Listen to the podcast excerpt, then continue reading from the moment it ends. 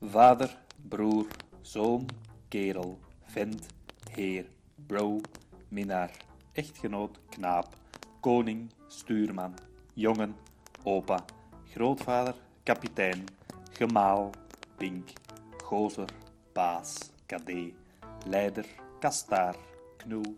Mijn naam is Hans en ik interview mannen over wat man zijn voor hen betekent. Gast, pompa, kleinzoon. Deze podcast gaat over mannen.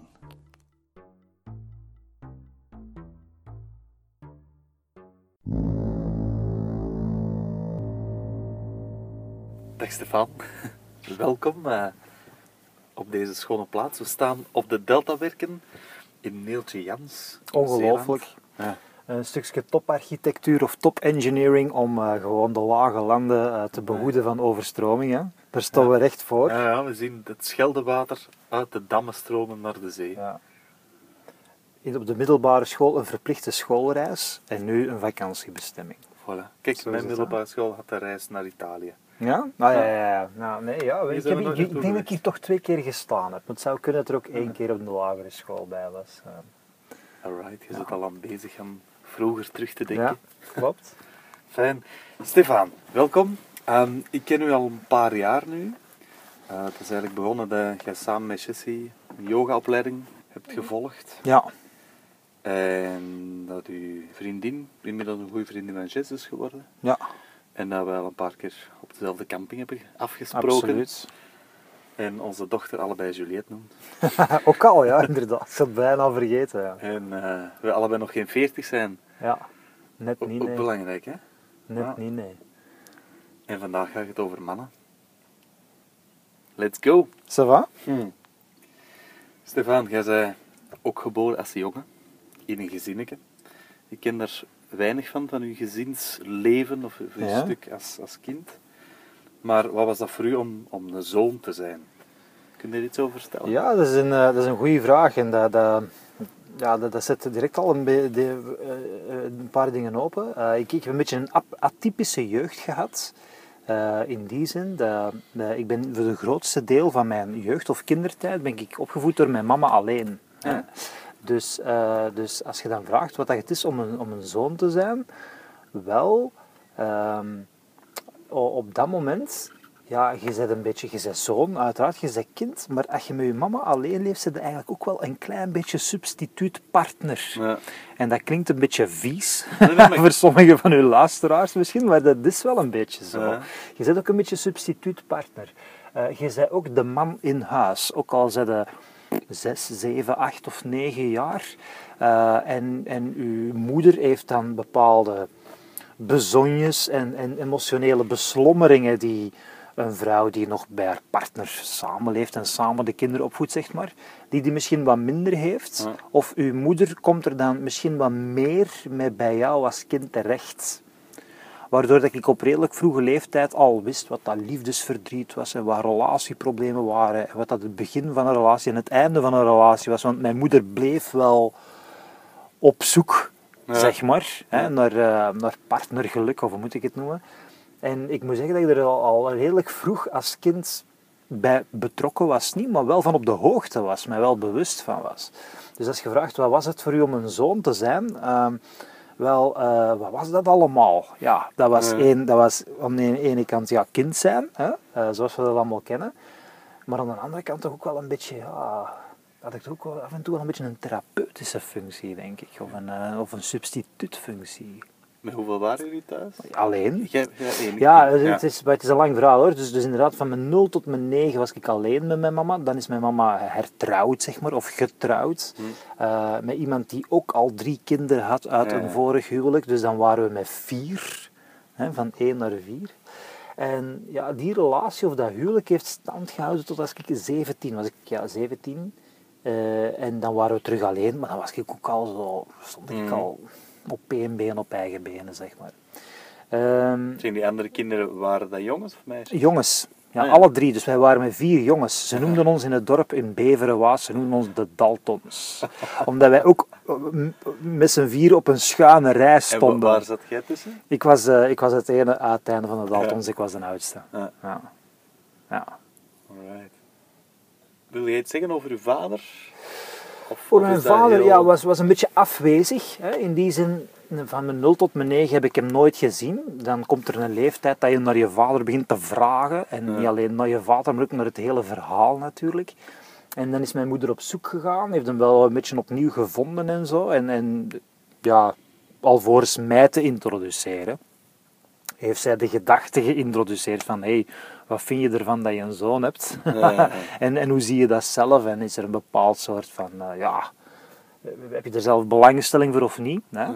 En eh, dat is dan wel goed gegaan. Ik moet, eh, van, van mijn, ja, dan, dan, mijn vader vertegenwoordigde ook iets totaal anders. Mijn moeder is redelijk eenvoudig. ehm, eh, is, niet de, is niet de vrouw van de grote culturele bagage, zeg maar. Hè? Ehm, mijn moeder en haar familie, of onmiddellijke familie, zijn redelijk, ja, zou ik zeggen, eenvoudige mensen. Hè? En, maar mijn vader was kunstenaar hè? En, en ja, die had toch een bredere blik op de wereld. En ik moet zeggen, zo, net op mijn negen jaar was dat wel interessant om hem tegen te komen, want die ont- dat wel ontmoet. ja, ja die, on- die ontmoeting en, en, en, en, en, een, en een zekere gewoonte die zich installeerde om daar naartoe te gaan. Hè, om die op eh, een vaste, ja, op, op, op, op geregeld tijdstip te bezoeken, zeg maar. Hè. Een beetje, dan werd hij ook een beetje weekendvader, Ja, ja. zeg maar. Hè. Ja. Ehm, ja, dat je toch wel een beetje een enorme horizon verbreidt. Eh, mijn papa nam mij mee naar theater, naar film, nam mij mee naar Amsterdam, steden, plekken Ja. in de wereld die ik nog nooit gezien had. ging met mij kamperen, wat dat mijn moeder ook niet met mij deed. Hè. Ehm, eh, ja, die, die, die zorgt toch voor een, een veel breder palet aan indrukken en, en belevingen. En beleving, ja, ja. Ja. En gesprek ook. Hè? Dus dat is een beetje, eh, dat is een beetje allemaal speciaal, eh, een beetje ja. atypisch. Ehm, natuurlijk, dan, dan we beginnen zo wat puber te worden, 13 worden, 14 worden, 15, beginnen toch wat vragen te stellen, begint toch een beetje in een soort van protestmodus te komen. Hè? Van, eh, ja, waarom zijn de dingen gelopen, die, waarom was je er ineens wel, waarom was je er zo lang niet? En dan, dan heb ik zo'n beetje een knipperlichtrelatie met hem gekregen. En die, die knipperlichtrelatie, ik, ik word nu bijna 40. Nee, ik word 40. Ik word 40, 40 eh, eind eh, augustus, eind van deze zomervakantie. En eigenlijk die knipperlichtrelatie is het eigenlijk altijd ook wel een beetje gebleven zo. Ja. Ja. Niet omwille van de vragen die ik toen stelde, maar eerder, ja, hij is een beetje zwaar op de hand.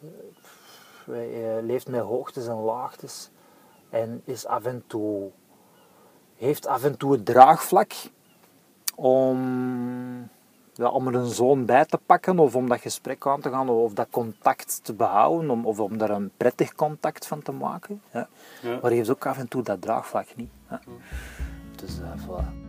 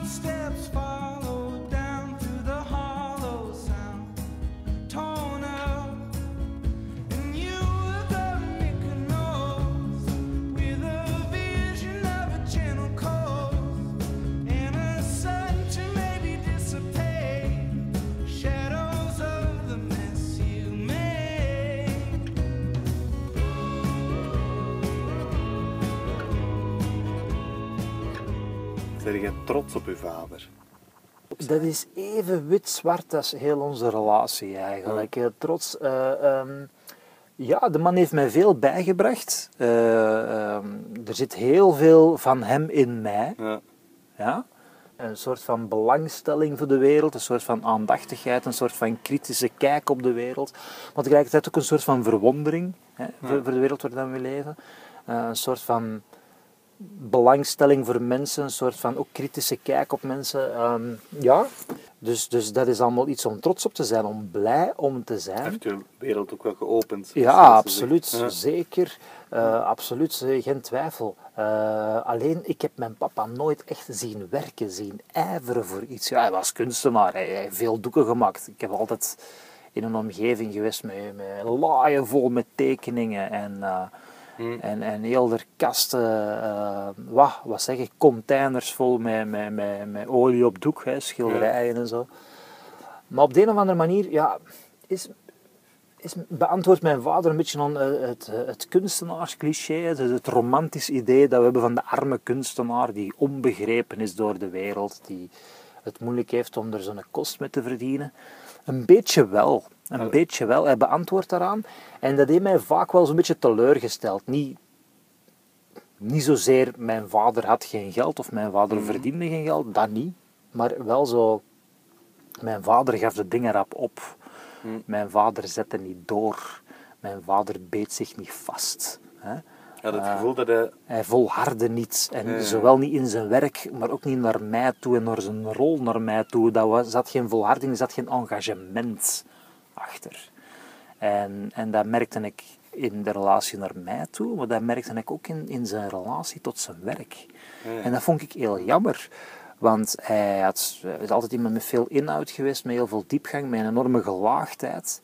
Je vond dat ook in zijn werk, maar ja, een soort van misplaatste trots zou ik nu bijna durven zeggen. Hij vond maar dat hij moest ontdekt worden. En als dat niet gebeurde, dan was de wereld stom. Ja.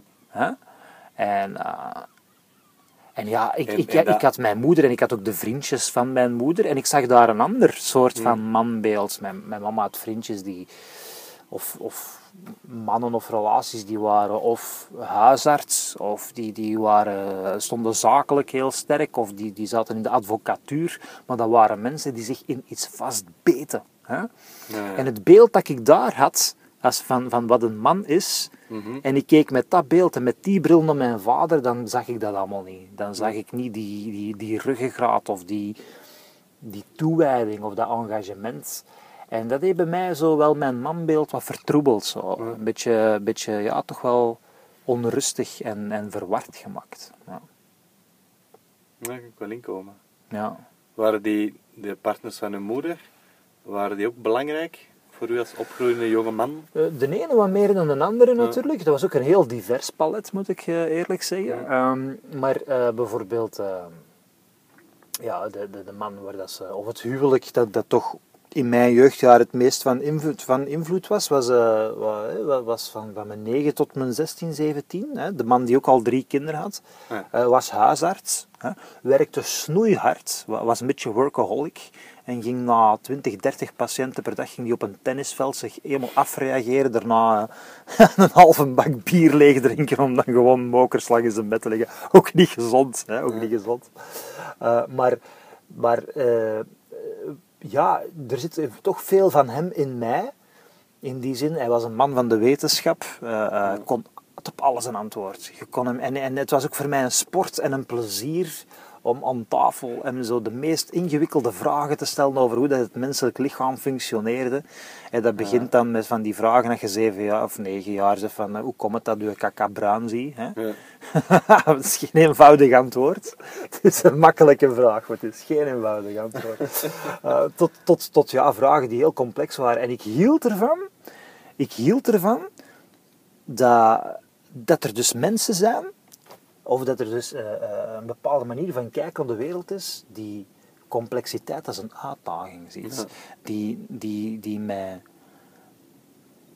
die met een soort van nederigheid in de wereld staat van het niet te weten. Hè? Ja. En dat is zoiets waar ik heel vaak mee speel, ook in gesprek met andere mensen. Ehm, hij was een wetenschapper. En, en, en een wetenschapper kan iets heel arrogant hebben, kan een heel arrogante kijk op de wereld hebben, van oh, ik weet op alles en alles wat dat niet wetenschappelijk is, is toch maar een beetje woe en een beetje bla bla. Hè. Dat is heel arrogant.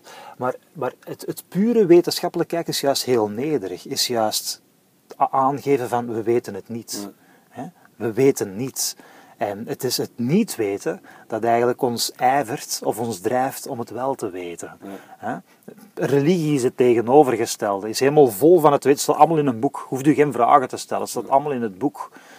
En dat fnaakt de nieuwsgierigheid die net zo interessant is. Maar lang verhaal, lange omloop. Maar, maar inderdaad, hij was belangrijk voor mij. En een andere vriend van mijn moeder, eh, die, die heel zakelijk was, zat in de bouw, zat in het sanitair, was in de loodgieterij, eh, importeerde de nieuwste van de nieuwste centrale verwarmingssystemen. Was, was, had een neus voor al wat dat nieuw was. Ehm, zag België gewoon als, als een markt. En het ene jaar was het eh, die Italiaanse centrale verwarming. En dan was weer iets anders, een Duits systeem veel beter. En, en hij wist altijd zo... Ja, hoe zou ik het zeggen? Het monopolie van een land of van een aantal landen voor zich te nemen. hè, om, als, ehm, om een bepaald systeem te verdelen. En eh, ja, dat kon dus. Ja. Ja, dat zag ik bij mijn moeder niet zoiets. Dat zag ik niet bij iemand anders. Maar dat was zo wel, ook wel een wereld die voor mij opging van wauw zeg, wat een, wat een zelfzekerheid en Ja. wat een eh, toegewijdheid om dat te doen en zo. Dus, dus ik heb mijn manbeeld, of mijn idee van wat dat het is, een man te zijn of een mens te zijn. Hè. Ik heb dat een beetje bij elkaar gelepeld. Dat is een Ja. heel gebricoleerd iets. En uw moeder, wat, wat, is, wat, wat, wat heb je van haar gekregen? Of was ze er bij haar trots op? Ehm, trots. Eh, eh, wat ben ik bij mijn moeder trots? Ja, zij is een beetje een overlevertje. Zij heeft een, een goede overlevingsinstinct. Eh, er waren momenten dat zij geen nagel had om op het gat te krabben. En toch vond hij iedere keer opnieuw ja, een, een inkomen, iets om aan te leven, iets om te verhandelen, iets om, om een zaakje rond te beginnen. Een soort van dagindeling. Van in de voormiddag doe ik dat en ik combineer dat met die job. En, oh, en op die of die manier werkt dat dan toch goed uit. Ja. Zij was ook iemand die het leven bricoleerde. Ja. Ehm, mijn moeder heeft een soort van ironie, een stevig gevoel voor ironie en voor cynisme. Zo. Hè. Heeft een heel ironische manier van naar het leven te kijken. Is ook nooit serieus. Hè. Als je ermee praat, laat ze altijd in het midden wat dat ze zelf denkt. Ze, ze, ze communiceert tussen de lijnen van de tekst, zeg maar. Ja. Eh, ja, en ik denk dat ik dat ook wel een beetje af en toe in die modus terechtkom. Mhm. Dat denk ik wel. Ehm, en mijn moeder heeft ook wel zo, ja, heeft ook wel psychologisch een beetje zwaar. Is, is ook heel wit-zwart. Heeft periodes gehad dat dat heel erg was, dat je niet wist hoe dat zij ging binnenkomen. Hè. Van, eh, is dat hypervrolijk of is dat randhysterisch? Of, eh, hè, dat wist het nooit. En dat was dan ook al... Dat zorgde voor een soort van spanning in het gezin. Hè. Ehm, er was altijd spanning. Er was nooit, er was nooit rust. Hè. Mhm. Eh, ja, dat is ook wel heel bepalend geweest. Maar ondertussen, ja, ondertussen is ook 65, 66, ik zou eens moeten natellen. Eh, en is ook wel een pakje rustiger geworden, zo. Gelukkig, ja. Minder impulsief, eh, minder wit-zwart, minder hoogtes en laagtes. Eh ça va. En, en ik moet zeggen, ook, ook Judith, mijn, mijn vriendin, die, eh, die heeft ook al een positieve invloed op. Die, die weet zoiets bij mijn moeder enorm te absorberen. Die geeft mijn moeder zo het gevoel dat ze heel welkom is en dat ze graag gezien wordt. Die doet dat een beetje ter, ja, ter aanvulling van mij of zo. Ja. En, en dat, dat zet voor mij een bruggetje naar mijn moeder. Zij, zij zorgt voor een enorme brugfunctie. Fijn. waar ik wel heel blij om ben, wat dat iets heel herstellend heeft, heeft gehad. Ja. Oké. Ja. ja, ik babbel de ruimte Nee, nee, helemaal ik, vol, ik hè. heb, ik heb ook een mooi bruggetje. Ja, ik Ja, ja. ja. Want wij logeren, dat weten de luisteraars niet, maar wij, wij staan nu op een camping. Een indianencamping. Hè, achter ons veldje, waar wij met onze hypermoderne tenten en iets minder moderne caravan staan. Daar staan allemaal typisch kleintjes voor de, de poppetjes van de kinderen tot grote voor heel de gezinnen. ja. Eh, gisteren hadden we een indianenvuur met indianenmuziek en dans erbij met een indiaan uit Nicaragua erbij. De indianen hadden vaak inwijdingsrituelen voor de, de jonge mannen. ja. Zijn er bij u gebeurtenissen geweest waarvan dat jij nu terugziet van ah, dat was precies wel een inwijdingsritueel Ja. of een moment geweest wat dat zo'n overgang maakte van jongetje of, of jonge man naar, naar man? Er zijn wel scharniermomenten geweest, ongetwijfeld. Hè? Heel veel waarschijnlijk ook. Eh, ja, sowieso, sowieso het moment dat je alleen gaat wonen. Mhm. Dat is zo'n moment dat je echt het gevoel hebt dat je zo van de ene levensfase in de andere stap bijna. Hè? En hoe oud waren jij toen? Dus dat moet ergens tussen mijn 19 en mijn 21 hebben gelegen. Zo, ehm, ja. Ehm, eerste job ook. Hè? Zo, ik was een mislukte student. Hè? Eh, Ik bakte er niet veel van als student. Ik heb ook in mijn middelbaar echt uitges... Ge, ja, ge- gestrunkeld. En, ehm, En dus mijn, mijn, mijn, ja, dan, eh, veel te jong om te weten wie dat je zei. Veel te jong om zo... Met, ik had nog geen persoonlijkheid die ontwikkeld was en een richting aangaf als een kompasnaald van dit is nu wat dat je gaat doen of, of daar gaat je nu op focussen. Ik was ook in te veel geïnteresseerd. Er waren evenveel redenen om diergeneeskunde te, studeren, te gaan studeren als maatschappelijk assistent, Ja, ja. als scheikunde, als filosofie, als psychologie. Ja, wat moest ik daar nu uit kiezen? Ik vond alles tof. Hè? Ik vond alles interessant. Ehm, en eh, ja, eerst was dat een maatschappelijk assistent, maar dat werd dan heel snel een maatschappelijk accident. Hè. En, ehm, of wijs wat. Eh, maar, maar scharniermomenten, ja, zeker als je alleen gaat wonen, maar ook je eerste inkomen. Je Ja. eerste, niet studentenjob, maar eerste voltijds inkomen. Dat je zo... Ja, En welke job deed je toen? Ehm, ik was, ik, ja, dat was in die tijd dan, als student ging je in de horeca werken of zo, was Ja. het meest voor, voor de hand liggende ding. Goed in was, was zo echt zo, ja, het is heel vuil hoor, maar de telemarketing, hè. Ja. Mensen opbellen om van alles te verpatsen. Daar was ik goed in. En, of, of je had er verschillende disciplines in. Je had enquêtes, hè, marktonderzoek. Ehm, je had zo serviceachtige telefoons. Hè, mensen, konden, mensen die niet wisten hoe dat hun gsm werkte. Eh, ik heb dat allemaal gedaan, maar ik werd echt in, het best ingeschakeld in verkoop. Soms kreeg je er commissie op, soms werd er meer betaald dat je dat in twee of in drie talen kon doen. Ja. En, eh, en dat is me uiteindelijk, ik deed dat als student. Dat was heel flexibel. Ik had de geld nodig, ik ging de drie uur gaan bellen. Hè. Stefan, die is drie, drie uur gaan bellen. Zo. Dat waren ook shiftjes van drie uur. En ik heb dat op een gegeven moment als voltijdse job gedaan. Ja, dan heb je 40 telefoongesprekken op een dag gedaan of zo. Dan heb je op het einde van een dag gefrituurd. Maar ik heb er wel veel uit geleerd, zo, van, van ja, hoe dat je een contact, ja, hoe dat je een commercieel contact verzorgt. Ja. Van, van, vanuit een telefonisch contact. Ehm, dat is een scharniermoment voor mij geweest. Ehm, ja, natuurlijk, eh, het moment dat je zelf vader wordt, hè, dan, dan krijg je ook een heel andere kijk op het leven, krijg je ook een heel andere kijk op je eigen ouders. Hè, misschien wat minder kritisch, want ja, nu kun je het zelf maken dat je het beter doet. Hè?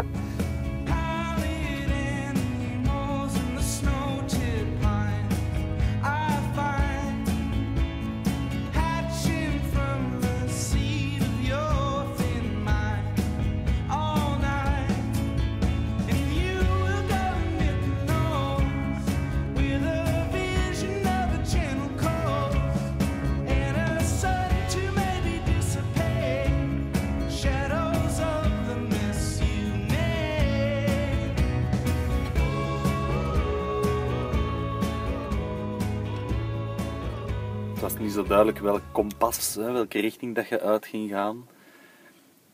Wanneer heb je dat wel gevonden? Of heb je dat gevonden? Ah, wel, dat is heel raar.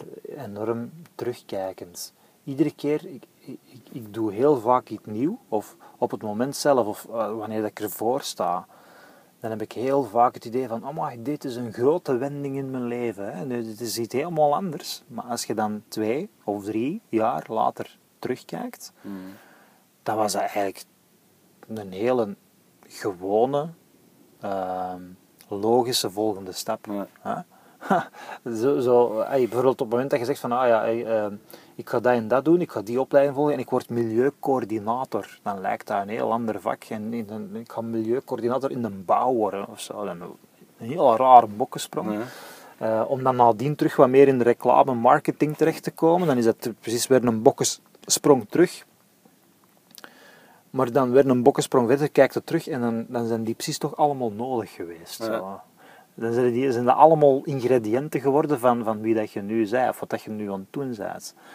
En heb je nu wel een, een onderliggend kompas of, of een, een duidelijke Ja, een beetje sturing van, goh, het is, het is altijd wel die richting uit? Of, Ja, een beetje wel. Als ik nu terugkijk en, en over de grenzen van die brede diversiteit, van ik heb in reclamebureaus gewerkt, eh, in verschillende functies. Ehm, ik ben zelfstandige geweest, ik heb op, op, op werven gaan uitleggen eh, hoe dat ze veiliger en mi- mi- milieuvriendelijker moeten werken en hen ertoe gemotiveerd en dat gaan controleren en die mensen erbij bij helpen en zo dat ze Ja. dat doen. Dat is heel divers. Na reclame marketing meer, meer met innovatie bezig geweest, met, met strategie bezig geweest, met innovatie, met innovatiestrategie bezig geweest. Maar als je er één grote leiding kunt vinden, ja, ik heb altijd zo inspiratie gedistribueerd. ja. Zoals je tv's of andere goederen kunt distribueren, Mhm. hè, harde fysieke goederen, kun je, kun je ook gedachten, kun je ook inspiratie distribueren. Hè? Ja. Ehm, ja, je kunt zeggen dat het bestaat in boekvorm, hè? Eh, maar je kunt dat ook op een heel condense manier doen tijdens een uur, of op een half uur, of op een kwartier, in de vorm van een lezing of een masterclass, of, of, of ja, mijn kortste Ja, je wilt dat is al direct 10 doen, minuten hè? geweest. Ja. Ja.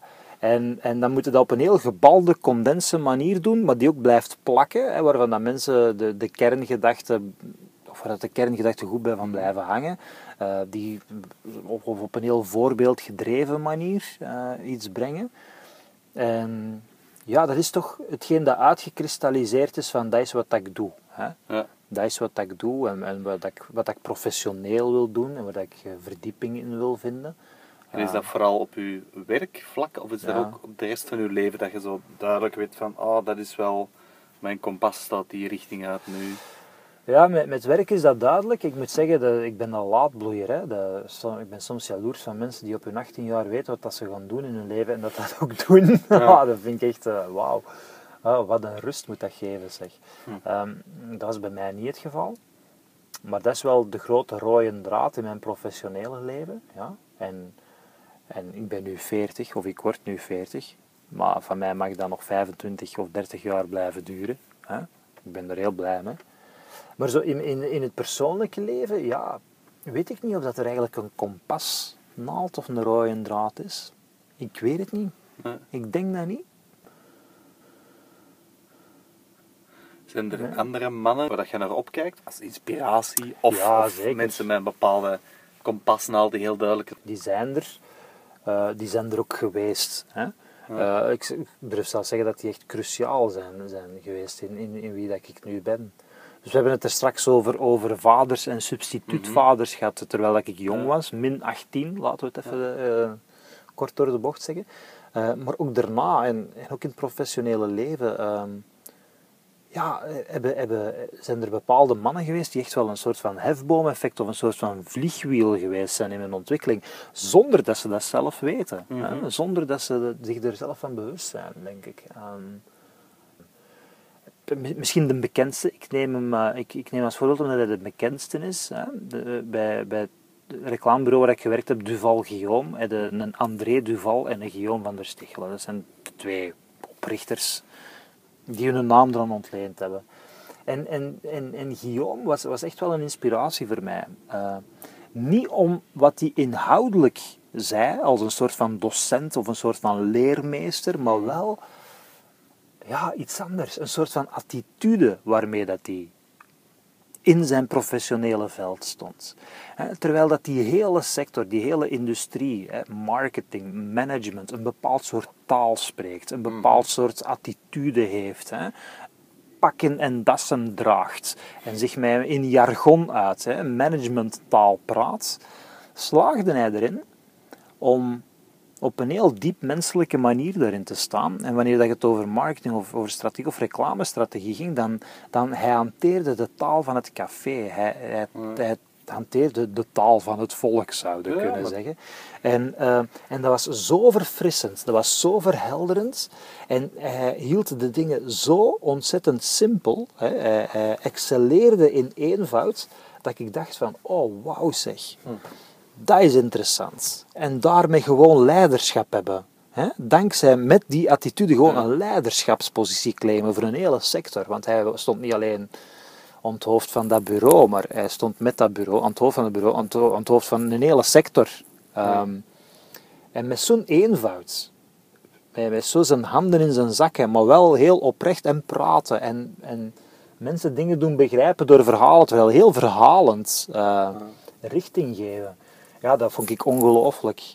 Dat vond ik ongelooflijk. Dat knetterde bij mij. Dat knetterde bij mij omdat ik zelf, ja, hij niet, of, of zijn studieachtergrond ben ik minder mee, mee, mee vertrouwd of bekend. Maar ja, ik was een beetje een mislukte student. Maar ik wou wel dingen. Ik wou wel een trots of een eer in iets halen, in een vak of zo. En, Vertellen, dat is, dat is Ja. iets wat ik bij ook zie als een Ja. natuurtalent. ja, natuurlijk. Goh, ja, eh, Of heb je daar zwaar op getraind? Nee, nee, nee, dat heb ik nu wel van kind mee. Van, van, dat heb ik nu echt van, van, Dus als je pakkend een verhaal kunt vertellen, Ja. al is het over de heksen van Roald Dahl, waar de Ja. dochter dan nachtmerries van heeft. Ja, ja. Ja inderdaad. Omdat het gewoon te, te realistisch bijna verteld Ja. wordt. Ja. Dat, dat is een prachtige eigenschap, hè? Nee, en dat heb ik wel, dat is, dat heb ik wel van, van kinds af aan. Ja. Ja. Ja. en mijn vader heeft dat natuurlijk versterkt, Ja.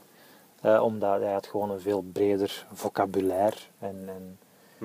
En eh, was, het register was veel groter, hè, waar dat uit getapt kon worden.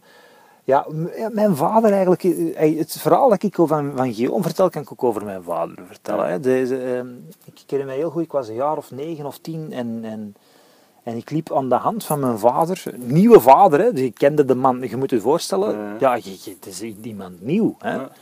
Eh, het is alsof dat je een onkel wordt bovengetoverd aan de andere kant van de oceaan, als is uw onkel uit Amerika. Hè? Zo, een beetje dat idee. Maar ik liep met hem gewoon het Rijksmuseum binnen en, en ehm, hij deed dat vanuit een soort van... Ja, hij moest ook op zoek gaan naar wat dat, het was om vader te zijn. Hij moest ook maar iets bedenken, een soort van formule om dat goed te doen.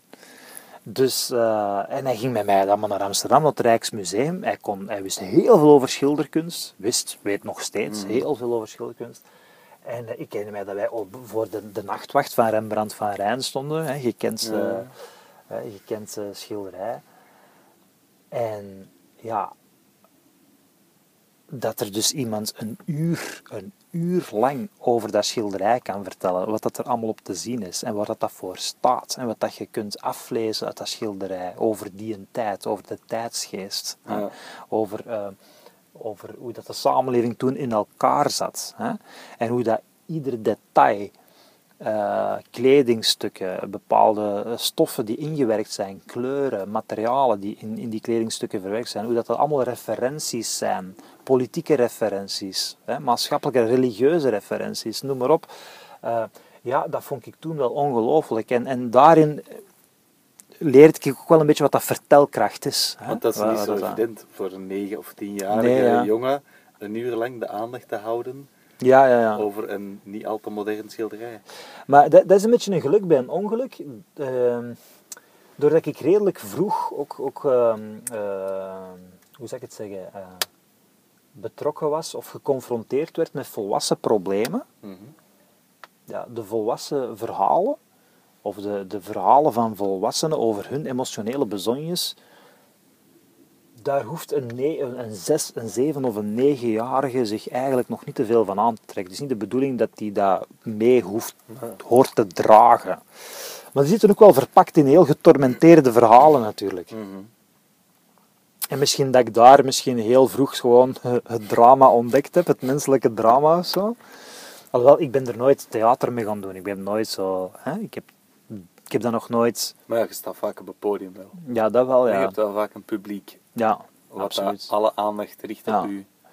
Maar daar, en dat ervaar ik nu eerder als een voordeel als een nadeel, stelt je komt op, op, op je 24 op een arbeidsmarkt terecht hè, en, eh, me- en eh, gefrustreerd dat je het verkeerde diploma hebt. Hè?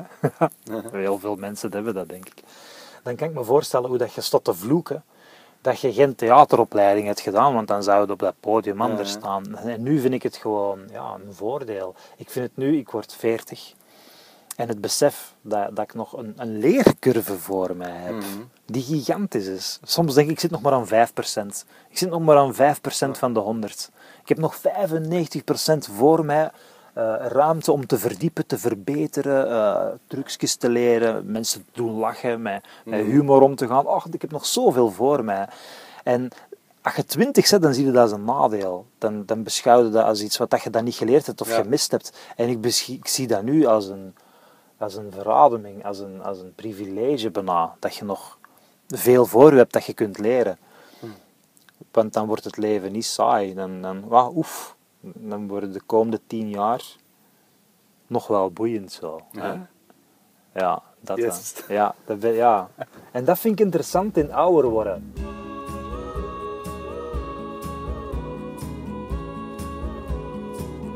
We gaan, we gaan even een beetje terug focussen op het doel van deze interview. Ja, ja, ja. Op, op man, man zijn, anno 2017. Wat is dat om een man te zijn? In Jij- jij bent 2017. een man. Dat is een goede vraag en ik kan er echt, Hans, ik kan Moeilijk, er nu gigantisch hard naast zitten. Hè. Dus, dus al wat ik nu, nu zeg is, I'm just guessing. Hè. Ja. Ik ben gewoon luid op aan het denken en luid op aan het, aan het, gis, ja, aan, aan het gissen. Hè. Eh, maar ik heb zo het, het, het gevoel in, in, in de onmiddellijkheid van mezelf, hè, in de eerste plaats, maar ook breed in de samenleving, in de media en noem maar op. Je kunt dat eigenlijk op verschillende niveaus, in verschillende concentrische cirkels om u heen, kun je een beetje dezelfde observatie doen. En dat is dat we precies, dat zo de klassieke, traditionele onderscheid tussen de geslachten, dat dat precies een beetje aan het vervagen is. Mhm. Of dat dat er steeds minder toe doet. Of dat je daar steeds meer zelf mee aan de slag kunt. Dat je dat mocht mixen om je eigen identiteit te gaan bricoleren.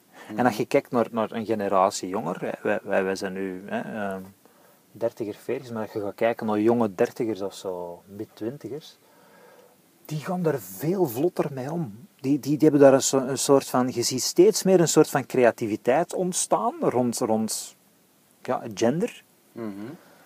Die voor ons enkel eh voorbehouden was voor tijdens carnaval in het beste geval. Zo. Om dan op een potsierlijke, onnozele manier, hè? op een knutselachtige, carnavaleske manier. Maar, maar als je nu kijkt naar het modebeeld, maar ook hoe dat jongeren zich kleden en ja, dat post-gender, hè? Mhm. dat, dat begint zo... Er begint iets te kantelen. En ik vind dat eigenlijk goed. Ik vind dat eigenlijk goed. Omdat dat gewoon, ja, eh, eerst en vooral uw, spectrum uitbreidt. Mhm. Maar het, het vergroot voor een stukje empathie. Hè.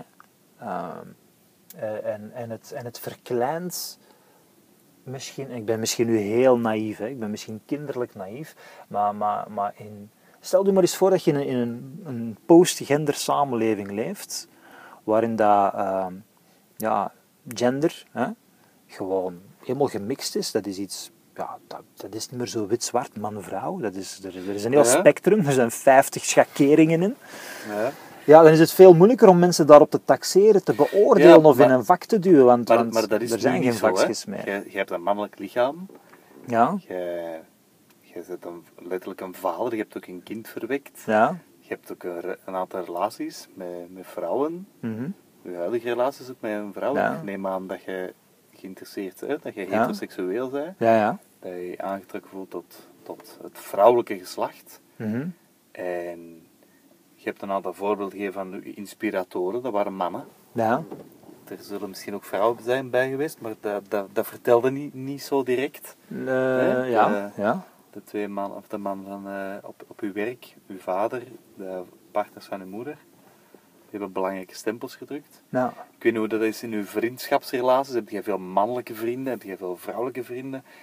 Is er een, een, een, ander, ja, een andere energie als je met je mannelijke vriend iets doet of bij je vrouwelijke vrienden? Het zijn, het zijn, het zijn zo die dingen. Ah, ja. Want daar is in onze huidige maatschappij en ik denk in, in, in de dierenwereld zie je heel duidelijk, maar, maar ook gewoon, je hebt mannen en vrouwen. Mhm. En uiteraard zit er in, in seksuele geaardheid zijn er verschillende mogelijkheden Ja. en schakeringen. Maar het gaat altijd om mannen en vrouwen. Yin, yang, als je het zo wilt noemen. Recht, ehm, ik, heb, ik heb de, je kunt zo zeggen, de mannelijke energie, vrouwelijke energie. Of yin-yang energie, of rechte, ronde energie, hoe dat je dat wilt noemen. Maar, maar, ik herken dat wel, dat er twee, twee stromingen zijn, twee polen positief, negatief, kun je ook noemen, zonder er waardeoorden aan te zeggen. En ieder mens heeft die twee polen in zich, of dat je nu man of vrouw bent. Iedereen heeft yin-energie en yang-energie, of mannelijke energie, vrouwelijke energie in zich. Ja. Dus, het- hè, dus vandaar snap ik wel uw genderstuk Ja. wat je vertelt. Maar waar ik bij mezelf op zoek naar ben, en dus ook nieuwsgierig naar ben naar u, is Ja. wat is dat, ja, waar ligt uw connectie met het, het mannelijke stuk of met de yang-energie, omdat je een beetje thuis bent, Ja. ook in die terminologie? Ja. Ehm, en waar is uw connectie met het vrouwelijke stuk, met de yin-energie? Je kunt Ja. dat heel clichématig zien als hè, eh, zorgzaamheid, eh, betrokkenheid, lief zijn, als, als de vrouwelijke energie. Dat is heel cliché, hè? Ja. En ehm, rechtlijnig, ge- ge- gefocust, eh, de, de jager eh, als Ja. mannelijke energie? Ja, ik, eh, ik, moet, ik moet zeggen dat ik daar... eh, ja, in, nou, in, in de, de, de traditionele tweedeling Mhm. heb ik mij eigenlijk nooit echt beperkt. En, en misschien komt dat omdat ja, mijn moeder moest haar mannetje Mhm. staan. Hè. Ja. Het zit hem al in, in de uitdrukking. Ik heb haar, ik heb haar gezien, gezien dat ze zo alle twee een beetje moest doen. Eh, ja, mijn vader misschien ook wel. En, en, en zelf doe ik dat ook. Kijk, kijk, mijn dochter, ik heb die half tijd. Ze is eh, de helft van de tijd bij mama, de helft van de tijd bij mij. En ja, dan als co-ouder doe je toch alle twee. Je, je probeert zowel heel kordaat te zijn, duidelijkheid, en, en een beetje, beetje hard en kort hè, eh, eh, duidelijkheid te scheppen, wat dat dan traditioneel wat mannelijker zou zijn of zo. Maar je probeert ook tegelijkertijd liefdevol te begrenzen. Is misschien een eufemisme of een ander woord voor hetzelfde, maar het klinkt al veel vrouwelijker. En, en, je doet het, en toch doet het alle twee. Hè, vandaag is mijn dochter van een pony gevallen. Ja, die is van een pony gevallen. Ja, dat is natuurlijk een drama. Eh, voor haar, want die is heel hard geschrokken, heeft er ook wel pijn gedaan eh, van het vallen. Maar ook voor mij, want ja, hoe had ik dit kunnen laten gebeuren? Wat voor een rund ben ik toch? Hè? Zo. Dat is ook even pijnlijk. Ehm, en dan, eh, dan komt er dat ook tegen. Dan komt er dat ook tegen. Ehm, aan de andere kant wilde je, wilde, je wilt lief en zacht zijn voor je dochter. Je wilt troostend zijn. hè? Heel erg. Eh, en dat moet je dan toch maar ergens vandaan halen. Mhm. Maar je wilt ook ehm, ja, haar aanporren om flink te zijn, om een paar tanden te bijten. Om dat gewoon ja, even rationeel te bekijken. Even van, ja, je bent van een pony gevallen. Ja, inderdaad, dat is gebeurd. Dat was misschien niet zo slim. Daar had papa wat ook wat meer moeten opletten. Maar dat was niet zo. En dat beestje zus en zus en zo. Je bent eraf gevallen. Maar bon, nu gaan we... eh, even eh, terug naar binnen. Hè. We gaan onder de douche. Hè. Eh, even Ja. kalmeren. We gaan, dat, we gaan andere kleren aan doen. We gaan dat wondje verzorgen. Hè. Dus het, het komt, het, het- beide komen. Ja. Beide vaten zijn nodig. Hè. Beide zijn nodig. En ja, Maar je herkent ze wel allebei. ik herken ze allebei. En ik heb, ik heb altijd gewoon het essentieel gevonden, tot zelfs noodzakelijk gevonden, om beide ter beschikking te hebben. Om beide te hanteren. Om, om, om beide bijna als een instrumentarium aan te wenden. Ehm, zelfs in mijn eigen relatie nu. Hè, ik heb een echt een stabiele relatie met een fantastische vriendin. En ook daar zie ik zij, zij is, is heel vrouwelijk. Hè? Ze heeft iets, zelfs, ik zou zelfs durven zeggen, iets heel meisjesachtig. Maar heeft ook iets heel androgyn. Ze heeft ook iets heel mannelijks. Ze heeft ook iets heel sterk, iets heel fysiek krachtig. Hè? Ze is veel met beweging en sport bezig. Ze heeft een, een heel fit lijf. Eh, maar ook een heel... Maar ook een enorme, dat zijn dan de uiterlijke dingen. Maar als je haar, als, je haar als persoonlijkheid kent, ze is ook enorm gedecideerd. Ja. Zij maakt keuzes en houdt zich eraan. En zij maakt die keuzes snel. Ze twijfelt niet. Eh, ze, ze, ze herpakt zich heel snel. Ook wanneer, dat even, eh, wanneer dat ze even tegenslag heeft. Het is iemand die heel snel recht springt. Dus, dus, dus eh, Judith, mijn vriendin, heeft ook een hele mannelijke kant. En het straffen is, ik, ben nu, ik word nu 40. Ik heb een paar relaties achter de rug. En hoe hoe meer dat iemand de twee polen in zich heeft en weet te hanteren, Ja. ja. hoe een dankbaardere of een betere relatie dat ik ermee heb. Zo met uitgesproken vrouwelijke vrouwen die zich vrouwelijk gedragen en die van de man het, het, het, eenzijdige mannelijke verwachten, dat gaat niet, dat duurt niet lang bij mij. Omdat dat bij u ook Dat juist allebei aanwezig is. Ja? Ja. Ja, Ik heb ook zo'n vriendinnen gehad. Hè? Die, die, die uitgesproken vrouwelijk zijn in hoe ze eruit zien, hoe ze zich gedragen, maar ook in wat ze van een man verwachten.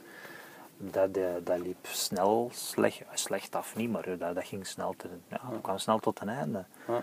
En ik, ik, ja, ik vind dat ook heel fijn. In een vakantie komt dat enorm tot zijn uitdrukking. Hè? Eh, omdat je, zet, je leeft heel dicht op elkaar, je bent op elkaar aangewezen en zo. En dan vind ik het heel prettig dat,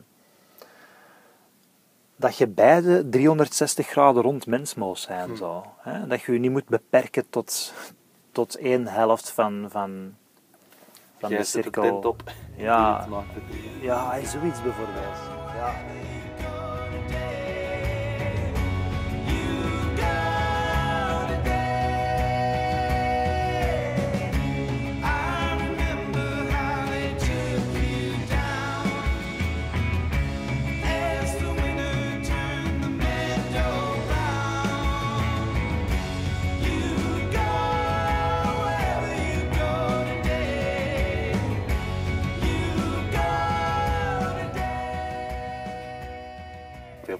Gaan iets doen met sport, gaan naar de voetbal. Mm. Wij mannen, hè, met de maten op café.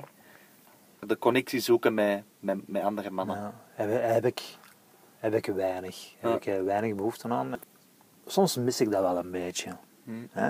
Eh, je hebt zowel wat mannen van, van kinderen die naar dezelfde school gaan, van, van, van eh, papa's van kinderen die in dezelfde klas zitten als Juliette. Ja, zo'n paar keer per jaar gaan we samen op café. Dan mogen de mannen op café. Dan mogen ze van hun vrouw op café. Hè? Ja. Ja, dan, dan voel ik... dat voelt gigantisch onnozel, maar dat bestaat dus blijkbaar. Hè? Ja, mannen bij wie dat, dat heel hard gedoseerd wordt hè, thuis als koppel. Ja, wanneer mag de man op café? Ja, hij is hier al zo weinig en dan gaat hem ook nog... Hè, zo. Dus die clichés die leven echt, zelfs bij generatiegenoten. Maar ja, en dat vind ik dat wel altijd heel plezant, om met die mannen op café te gaan. Ik vind dat echt leuk.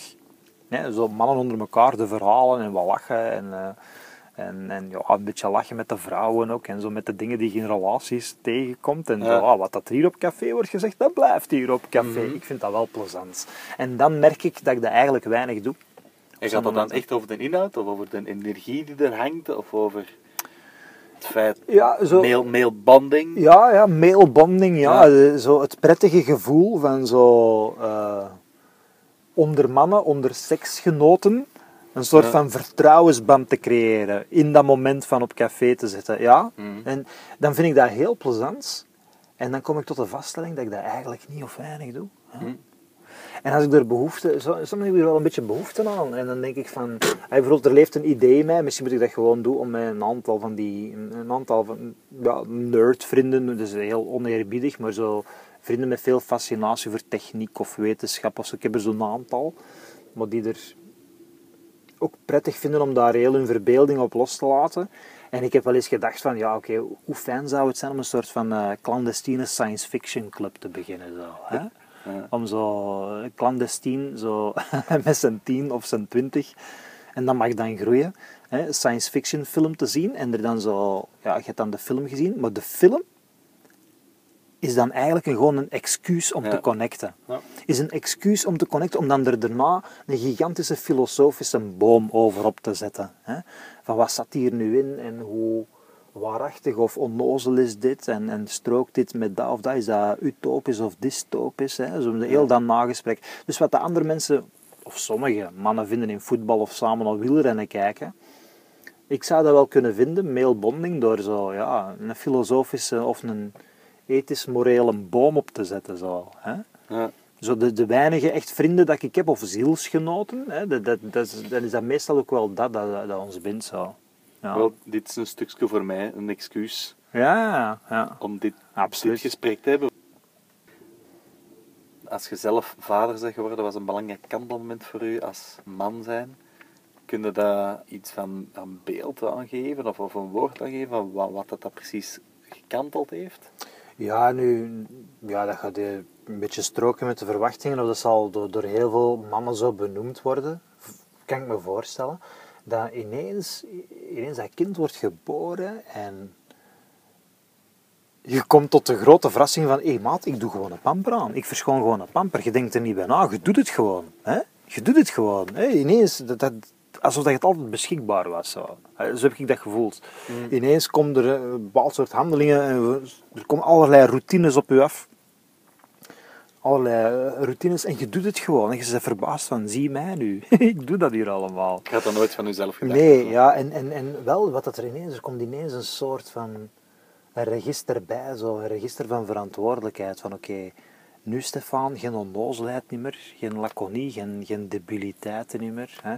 Je kunt je niet meer gaan verstoppen of verschuilen achter dit of dit of dat. Nee, nee, now it's for real. Zo. Nu, Nu is er iemand waar jij verantwoordelijkheid voor hebt. Zo. Hm. Ja, de, de speeltijd is een beetje over zo. Ja. Ehm, ja, nu is het voor echt. ja. Ja, toch wel. En ook zo natuurlijk een beetje de, eh, een soort van strengheid voor jezelf. Van, ah, eh, nu wil je dat hier goed doen, wil je hier geen steek laten vallen. En je gaat het beter doen dan je eigen ouders. Hè? Je het beter doen dan je eigen ouders. Dat en dat en dat en dat, dat gaat je kind nooit meemaken. Hè? Ja.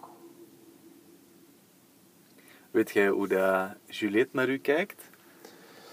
Geen idee. Eh, ze is zes jaar, dus dat is nog behoorlijk jong. Ehm, ja, natuurlijk, ja, zo, zo, ze zegt wel van hè, papa en mama zijn haar beste vrienden en zo. En, Mhm. eh, en papa, of papa is haar beste vriend en eh, mama is haar beste vriendin. Of,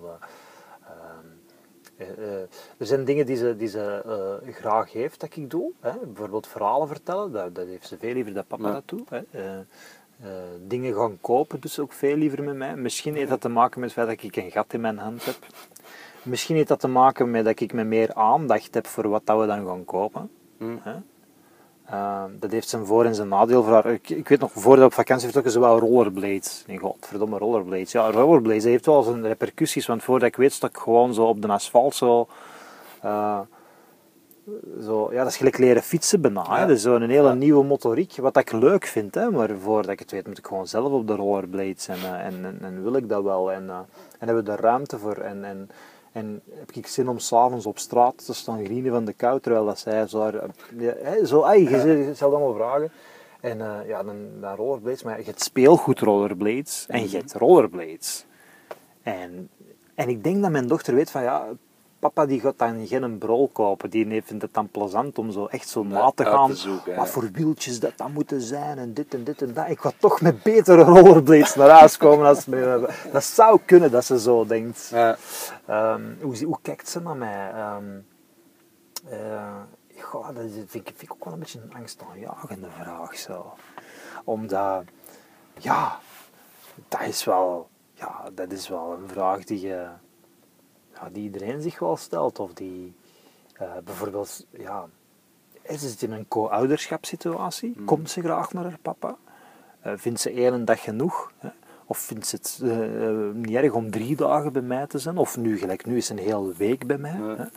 Hè? Hoe staat ze daar tegenover? Ja, ik weet dat ze natuurlijk haar mama mist. Hè? Mhm. Maar dat zegt niks over mij. ehm. en het is ook geen competitieke tussen mij en de Nee. mama natuurlijk. Ze- wa- wa- waar zit je zelf trots op? Als, als vader? Als vader, dat is een goede vraag. Ehm, ehm, waar ben ik zelf trots op? Ehm, eh, ja, toch misschien een paar dingen zo. Ik ben er trots op dat mijn dochter weinig angsten heeft. Hm. En daarmee heb ik niet gezegd dat ze roekeloos is. Hè?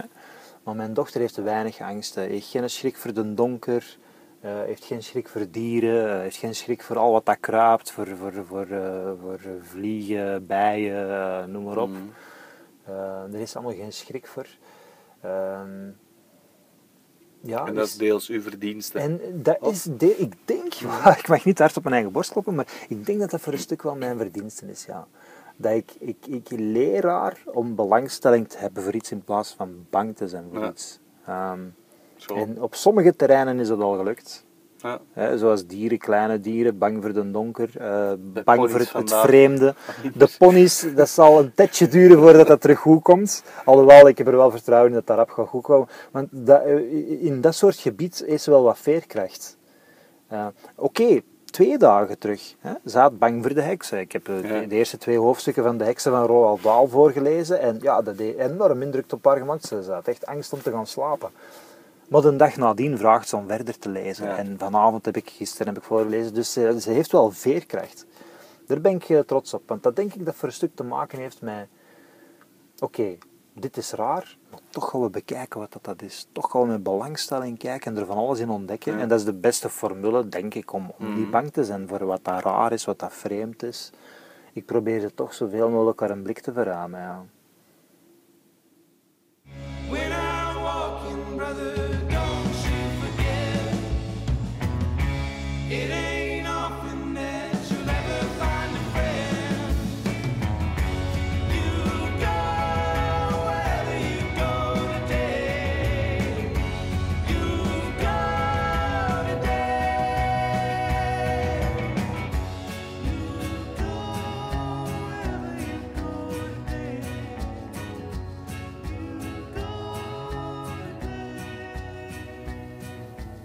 Je jong bent, dan, als je, als je 15, 16 of 20 zet, dan, dan denk je dat je een bepaald soort van mannelijkheid moet, moet, moet hebben of uitdragen of in u moet hebben om een succesvolle mens of man te zijn. Ja. En dan, ondanks dat je jong in het leven staat, pakt het toch naar de grote clichés. Hè? Eh, het is goed dat je een eigen auto hebt en een rijbewijs. Hè? Dat gaat u zeker ook op de relatiemarkt verder brengen dan dat je dat niet hebt. Hè? Ja. Eh, of eh, het, is goed dat je, dat is goed dat je spieren hebt, dat je fit bent, of een bepaald soort van fysieke fitheid hebt, en noem maar op. Terwijl, ja, je maakt een sprong van 20 jaar, je bent 20 jaar ouder en je zegt, ja nee, het is juist heel goed van dat allemaal een beetje te kunnen relativeren en opzij te kunnen zetten. En, en, en, en dat je die zachte waarden ook kunt harteren. Ineens blijkt dat dat nog het meest van al gewaardeerd wordt. Bijvoorbeeld in een partnerrelatie. Hè? Bijvoorbeeld als vader. Hè? dat, dat, vind ik, eh, dat vind ik heel mooi. Dat vind ik geruststellend ook, in zekere zin. Zeer geruststellend. Want als je gaat kijken naar zo... En er is deze tijd zo interessant in. Het, het, het zeer traditioneel conservatief denken in termen van man, vrouw en daar bepaalde rolverdelingen aan vast te knopen. En daar zelfs bepaalde sociale codes en normen aan vast te knopen. Ja, dat vind ik toch iets zeer toxisch. Het is- Hoewel dat, dat dat voor veel mannen ook wel heel veel duidelijkheid geeft. En, ja. en een heel duidelijke richting geeft, maar wat ook gewoon veel rust geeft. Dat zal wel, dat zal wel. En, en ik wil dat, pas op, en nu, nu komt het tot een ander thema. Maar dat betekent niet dat de juiste weg is. Kijk, dat de aarde plat was en dat de aarde in zeven dagen geschapen is door een man met een baard op een wolk, dat zal ongetwijfeld ook heel veel mensen duidelijkheid en geruststelling gegeven heeft. Alleen brengt het ons niet veel verder, denk ik. Hè? Ja. Denk ik.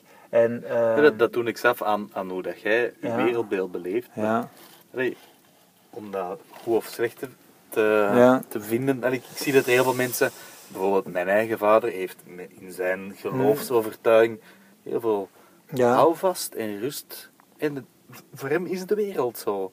En dat maakt dat hij op dat vlak niet, niet twijfelt. Hij heeft een rotsvaste overtuiging Ja, ja, en dat ja. geeft hem heel veel rust. Ja. Daardoor kan hij bepaalde dingen doen, waar dat ik vaak nog aan de fundamenten aan het kijken ben. Goh, maar zou het zo zijn of zou het anders zijn? Ja, ja, ja. Ja, bij, bij mij is toch het een beetje...